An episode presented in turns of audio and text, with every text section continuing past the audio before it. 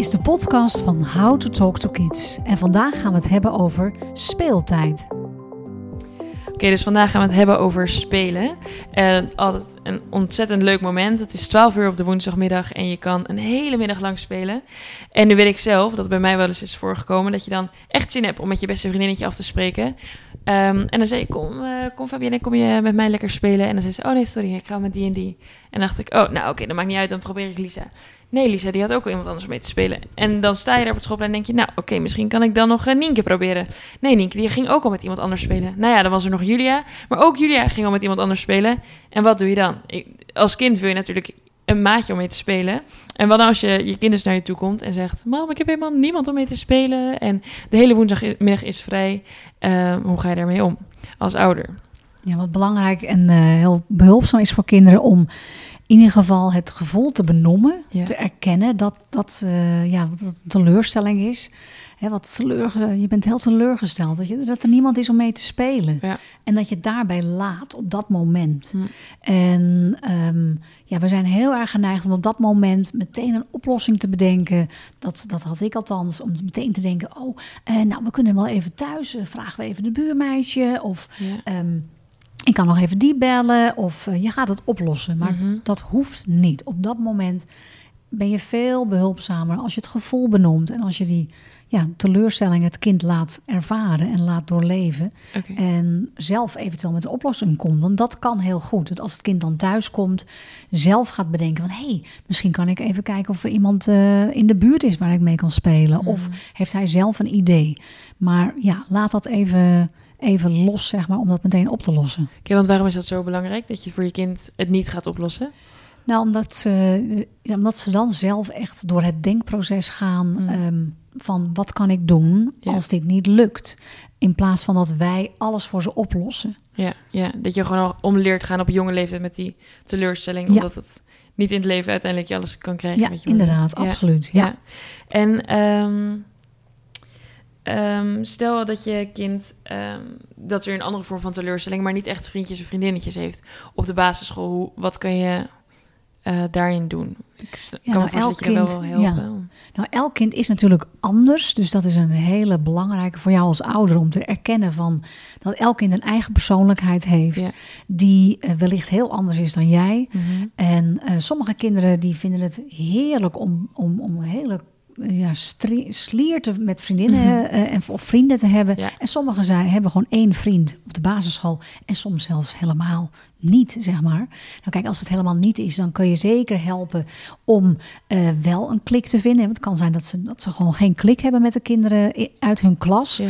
En dan kun je gewoon actief op zoek naar clubjes, naar een, een, sport die bij ze aansluit. En probeer echt dan aan te sluiten bij hun persoonlijkheid, bij de ja. behoeften die zij hebben op dat moment. Ja. En ga met ze actief op zoek. En dat kan dus zijn voetbal of hockey, maar ook scouting of ja, andere. Ja. je hebt natuurlijk heel veel clubjes waar, uh, ja, waar je je kan bij, bij aan kan sluiten. En, dat, en als je je aansluit bij die behoeften, bij de persoonlijkheid van je kind, zal je ook merken dat ze daar veel meer gelijkgestemde, dus ja. vrienden kunnen ontmoeten en kunnen maken.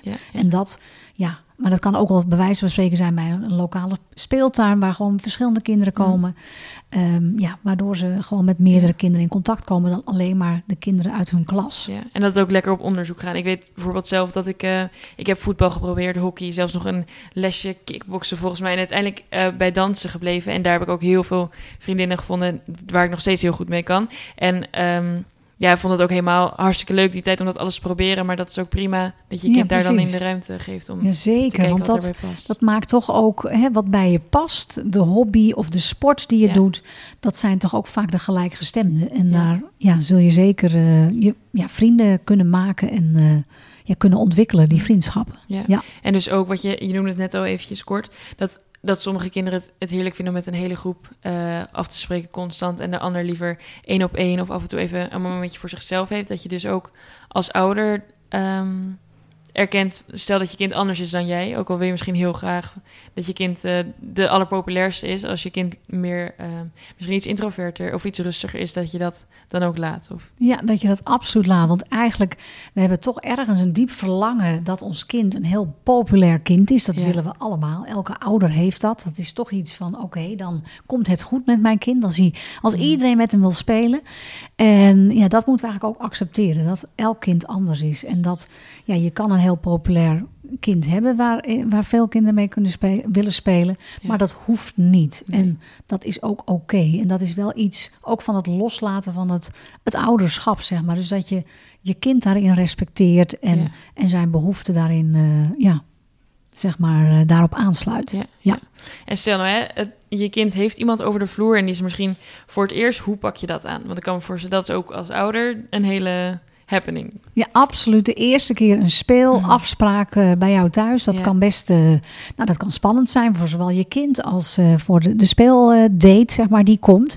Dus wat, wat fijn is om, om hem of haar, nou wat fijn dat je er bent, welkom te heten. En even heel kort een paar regels van jouw huishouden te benoemen. Dus joh, als we wat eten of drinken, doen we dat altijd aan tafel.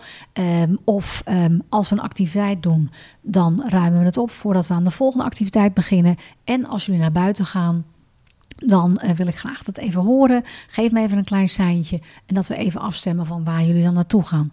Ik weet namelijk dat ik, ik heb eh, met vier kinderen heel veel speelafspraken gehad. dus ik heb wel eens gehad dat ik dat niet deed. Dat ik dat weer was vergeten. En dat er dan iemand uh, voor het eerst kwam. En dat ik na drie kwartier merkte dat zij met heerlijke aardevoetjes door de tuin hadden gebanjerd. Mm -hmm. En vervolgens heerlijk trampoline hadden gesprongen op ons, nou ja, op ons bed bovenin. En nou ja, dus ze gaan zomaar door. Het hele huis was benut met allerlei activiteiten waarvan mijn kind dat normaal nooit deed. Maar dat is ook de dynamiek met een speelvriendje. Dat kan alle kanten op gaan. Dat weet je gewoon niet. Sommige kinderen gaan er vrolijk in mee. En die van mij ook. Dus daar is het gewoon toch wel fijn om dan even de, de regels te benoemen voorafgaand als, uh, als ze komen. Ja. En um, ja, en ook even te zeggen van, joh, tussendoor ruimen we even op. Want anders heb je een, ja, uh, een, een, ravage in je huis. En sommige mensen vinden dat helemaal prima. Maar als je er moeite mee hebt, zeg ik altijd, uh, ja, zeg dat, uh, benoem dat. Geef je grenzen daarin aan, wat jij belangrijk vindt. Ja, zodat je zelf ook iets ontspannender de rest van de middag door kan zitten. Omdat het gewoon al duidelijk is wat je hebt afgesproken. Ja, absoluut. Ja. En um, ik kan me voorstellen als je erbij bent als ouder, dat je... Um, als je kind een vriendje of vriendinnetje over heeft, dat je ook wel er misschien karaktereigenschappen zijn van je kind, uh, waarvan je denkt, hmm, ik weet niet hoe, hoe positief dat is voor vriendschappen. Uh, ik, hoe, hoe zou je daar dan mee omgaan? Jazeker. Als je uh, bepaalde karaktereigenschappen van je kind ontdekt, die je zeker met een vriendje dan opeens naar boven ziet komen. Bijvoorbeeld dat je kind heel bazig is. Ja. Of um, uh, ja, andere dingen compleet uh, overneemt, zeg maar, in die speelafspraak, dan is dat goed om dat niet tijdens een speelafspraak te benoemen. Laat ja. het gewoon ja. gaan. Maar dat kun je wel zeker benoemen na afloop van de speelafspraak. Ja. En dat je dat dan benoemt met oké, okay, hoe, hoe vond je het gaan? Of hoe, hoe uh, heb je dat ervaren? Of ja. kun je je voorstellen dat het voor jouw vriend of, vriend, of vriendje of vriendinnetje niet altijd even leuk is als jij alles bepaalt hoe het gebeurt? Ja. En um, het kan ook zijn dat je het even evalueert over het vriendje of vriendinnetje. Hoe, als die alles bepaalt, hoe voelde ja. dat voor jou? En hoe ja. zou je dat de volgende keer anders kunnen doen? Ja. En, um, en voel dat ook even aan bij je kind. Want het is zeker nog het meest behulpzaam om zo min mogelijk te inter interveneren. Uh, maar soms hebben kinderen gewoon toch een beetje uh, guidance nodig, begeleiding, om dat voor hunzelf ook uh, goed te laten ontwikkelen. En, ja. Want anders dan bloedt zo'n vriendschap dood misschien. Of ja. uh, gaat het een hele andere kant op.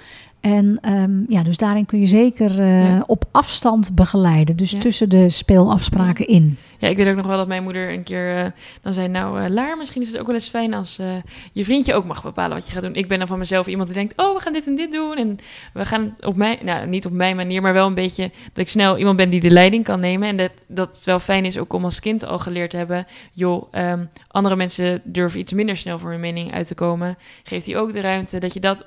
dat het eigenlijk een proces is je vanaf kinds af aan al leert. En dat ik heel blij ben dat, ehm, ook al werkte mijn moeder ook heel veel, dat er, dat er ook middagjes waren dat zij er dan was als een vriendje of vriendinnetje speelde, zodat zij ja, dat, dat ook een soort kon observeren en je daarin ook kon helpen. Dat dat ook wel echt belangrijk is, denk ja, absoluut. Zeker als je veel uh, oppassen hebt. Uh, dat kan natuurlijk ook helemaal prima dat die de speelafspraken begeleiden. Maar zorg dat je af en toe er zelf bent om, als er een speelafspraak is, hm. plan het in het weekend, plan het op de middag dat je thuis bent. Ja. Want het is fascinerend om je kind te zien uh, hoe hij zeg maar of zij zich uh, opstelt, hoe, hoe hij uh, of zij zeg maar het hele speelafspraken begeleidt of, of, of ja zeg maar hoe dat gaat. Ja. En je kunt daar echt ook een rol in spelen om bepaalde nou ja dingen zeg maar um, ja te veranderen of, of, of ze in een ander daglicht te zetten. Mm. En bijvoorbeeld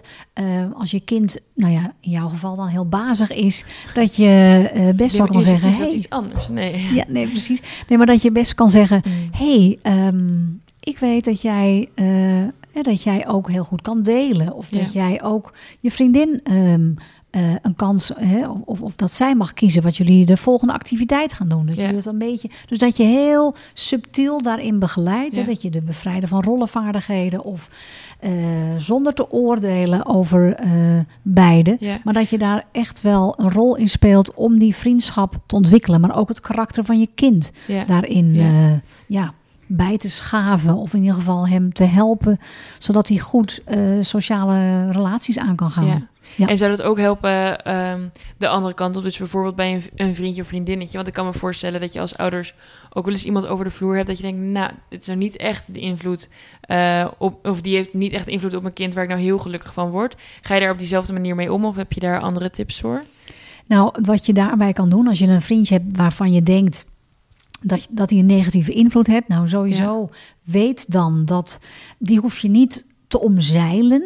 Uh, maar je moet ja, je, voor jezelf is het goed om te weten dat jij een hele goede positieve invloed hebt op je kind. En dat de tijd die jij doorbrengt met je kind vele malen langer is dan het kind, zeg maar. Ja. En um, ja, dat je mag vertrouwen op de band die jij hebt met je kind. Dat hij zelf uiteindelijk kiest of die vriendschap bij hem past. Mm.